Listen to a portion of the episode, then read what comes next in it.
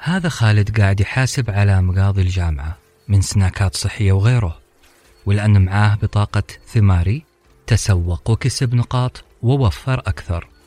نستقبلكم في جميع فروع التميمي وللتسوق أونلاين الرابط في صندوق الوصف.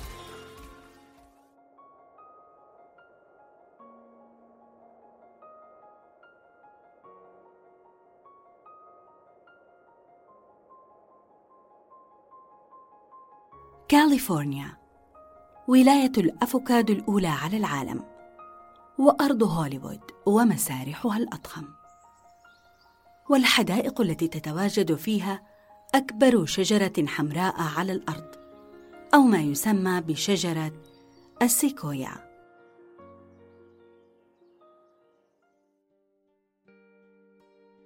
كاليفورنيا الولاية المفصلية في الانتخابات الأمريكية.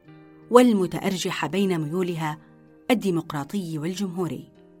الولاية التي جمعت كل هذه المتناقضات كادت في يوم من الأيام أن تنقسم على نفسها بين جنوب وشمال.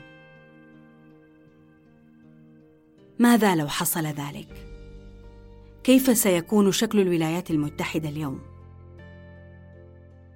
معاكم أنا رانيا المرزوقي والحلقة الأولى من الموسم الثاني من بودكاست على رقعة التاريخ.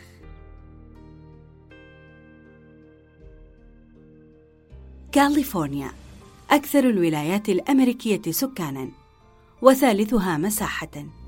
أشهر مدنها لوس أنجلوس. والظريف أن معظم المدن فيها يبدأ بكلمة سان. مثل سان فرانسيسكو سان دييغو سان خوسيه. وكلمة سان أصلها إسباني وتعني saint أو القديس. يعني القديس فرانسيسكو القديس خوسيه والقديس دييغو. ولا غرابة في هذه المسميات الإسبانية. فالمنطقة كانت مستعمرة إسبانية في القرن الثامن عشر. ثم دولة ملكية مكسيكية قبل أن تنضم للاتحاد الأمريكي. عام 1850 من النظرة الأولى قد ترى كاليفورنيا وحدة واحدة متشابهة الفكر والعقيدة. ولكن هذا غير صحيح. لطالما كان الجنوب الليبرالي يود الانفصال عن الشمال كان جنوب كاليفورنيا أشبه بمحيط يعج بخليط من السكان. نصفهم من أصول إسبانية يسمون بالكاليفورنيوز والنصف الآخر أمريكيون قادمون من ولايات تكساس وأريزونا. كلا المجموعتين كانوا كارهين للقادمين الجدد البيض إلى الولاية. وكيف لا يتضايقون؟ وهم يعلمون أن سبب هجرات البيض هو البحث عن الذهب.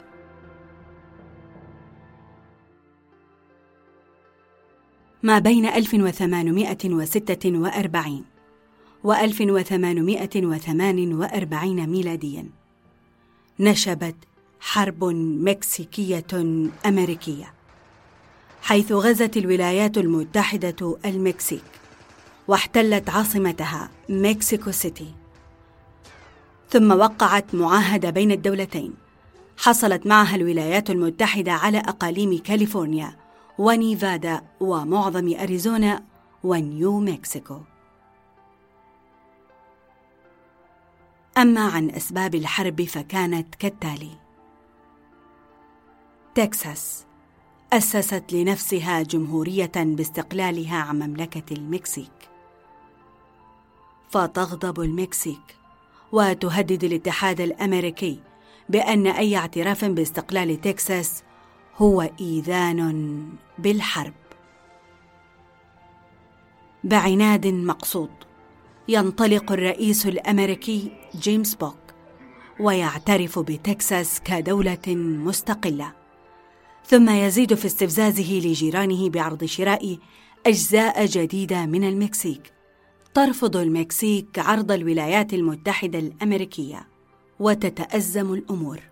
وتبدأ مشكلة حدود بين الدولتين ليعلن الكونغرس الحرب على المكسيك عام 1846 ميلادية. كانت نتيجة هذه الحرب هو أن رضخت المكسيك لشروط الولايات المتحدة الأمريكية التي حصلت على أكثر من مليون كيلومتر مربع من الأراضي المكسيكية.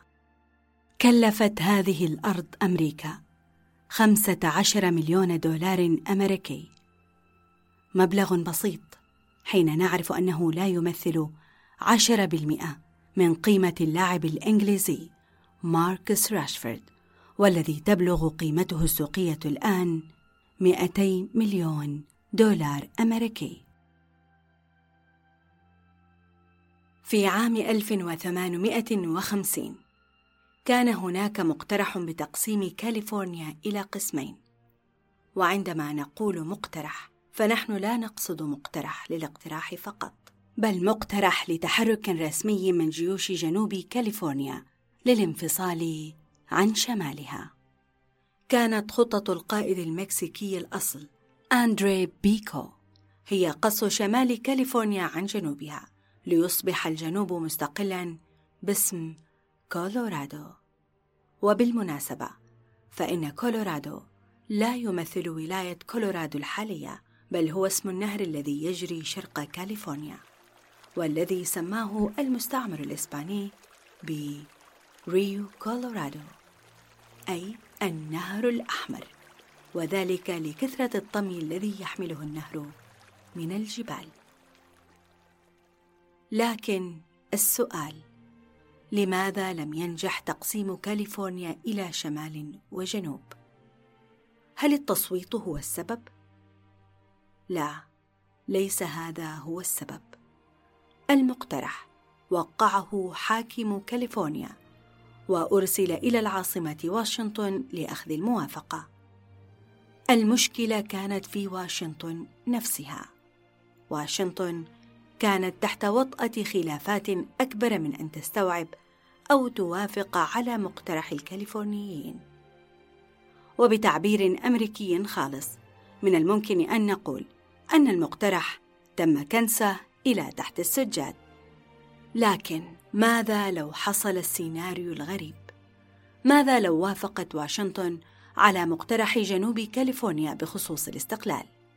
ماذا لو ضربت واشنطن بالمطرقة على الطاولة وأقرت المقترح في عام 1958 أولاً ستنقسم كاليفورنيا إلى شمال وجنوب وستنشأ ولاية كولورادو ككيان مستقل وستبدأ المشاكل في هذه الولاية الجديدة. وأولها الرق. ولكي نستوعب أكثر مشكلة الرق يجب علينا العودة قليلا. لأحداث الحرب الأهلية الأمريكية. إبراهيم لينكولن في عام 1860 أصبح رئيسا للولايات المتحدة وانتصاره هذا أدى إلى إعلان سبع ولايات جنوبية الانفصال هذه الولايات السبع كلها ولايات ذات اقتصاد نهري بمعنى أنها تعتمد على الزراعة وبالتحديد القطن. الذي يستفيد من حالة الرق. هذا الانفصال جعل الولايات السبع كونفدرالية لا ترضى بحكومة لينكن الشمالية.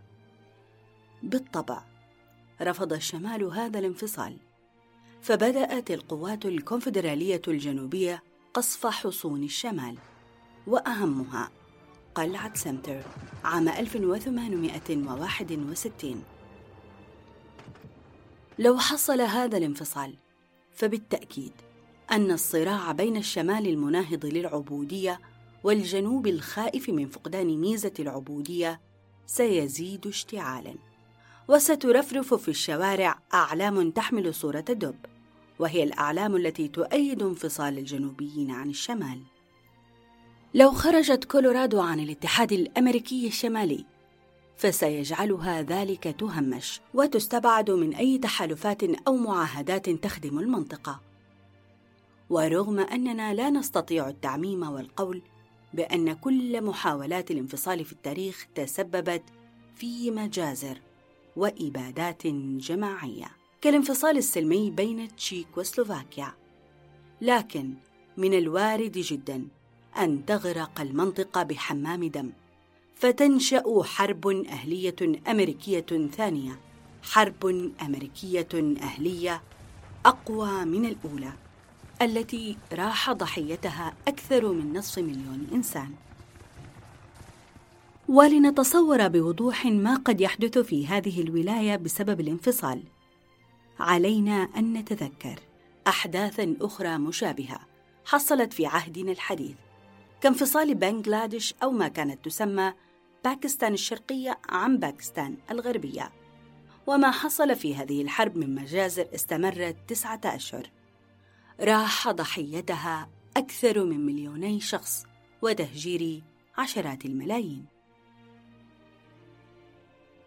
لو انفصلت كولورادو عن كاليفورنيا ستبقى ديموغرافيتها كما هي قبل 150 سنة. القبعات المكسيكية الضخمة الوشاح المخطط واللغة الإسبانية التي يتحدث بها المكسيكيون. سيحاول صانعي السياسة في هذه الولاية منع أي تدخل عسكري أو ثقافي تجاههم. وصد كل محاولات اليانكيز أو البيض الشرقيين من الدخول إلى أراضيها عن طريق القطارات.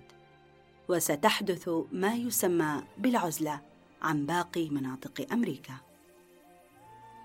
هذه العزلة لن تسمح بقدوم تقنية التصوير القادمة من شرق أمريكا ولن تصبح المنطقة شهيرة بهوليوود وصناعة السينما بل ستكون كاليفورنيا مجرد ولاية تمتاز بجوها الجميل جدا. لو انفصلت كولورادو ستواجه الآن أزمة مياه حيث مصادر الماء فيها ضعيفة بالنسبة لعدد السكان. هذا سيجعلها تمد يدها لمصافحة الشماليين وستصرف معظم ميزانيتها في استيراد ما يكفيها من مياه. رغم ذلك فإن الولاية غنية جدا لأن معظم آبار النفط هناك ولا أصبحت دولة النفط والأفوكادو بلا منازع.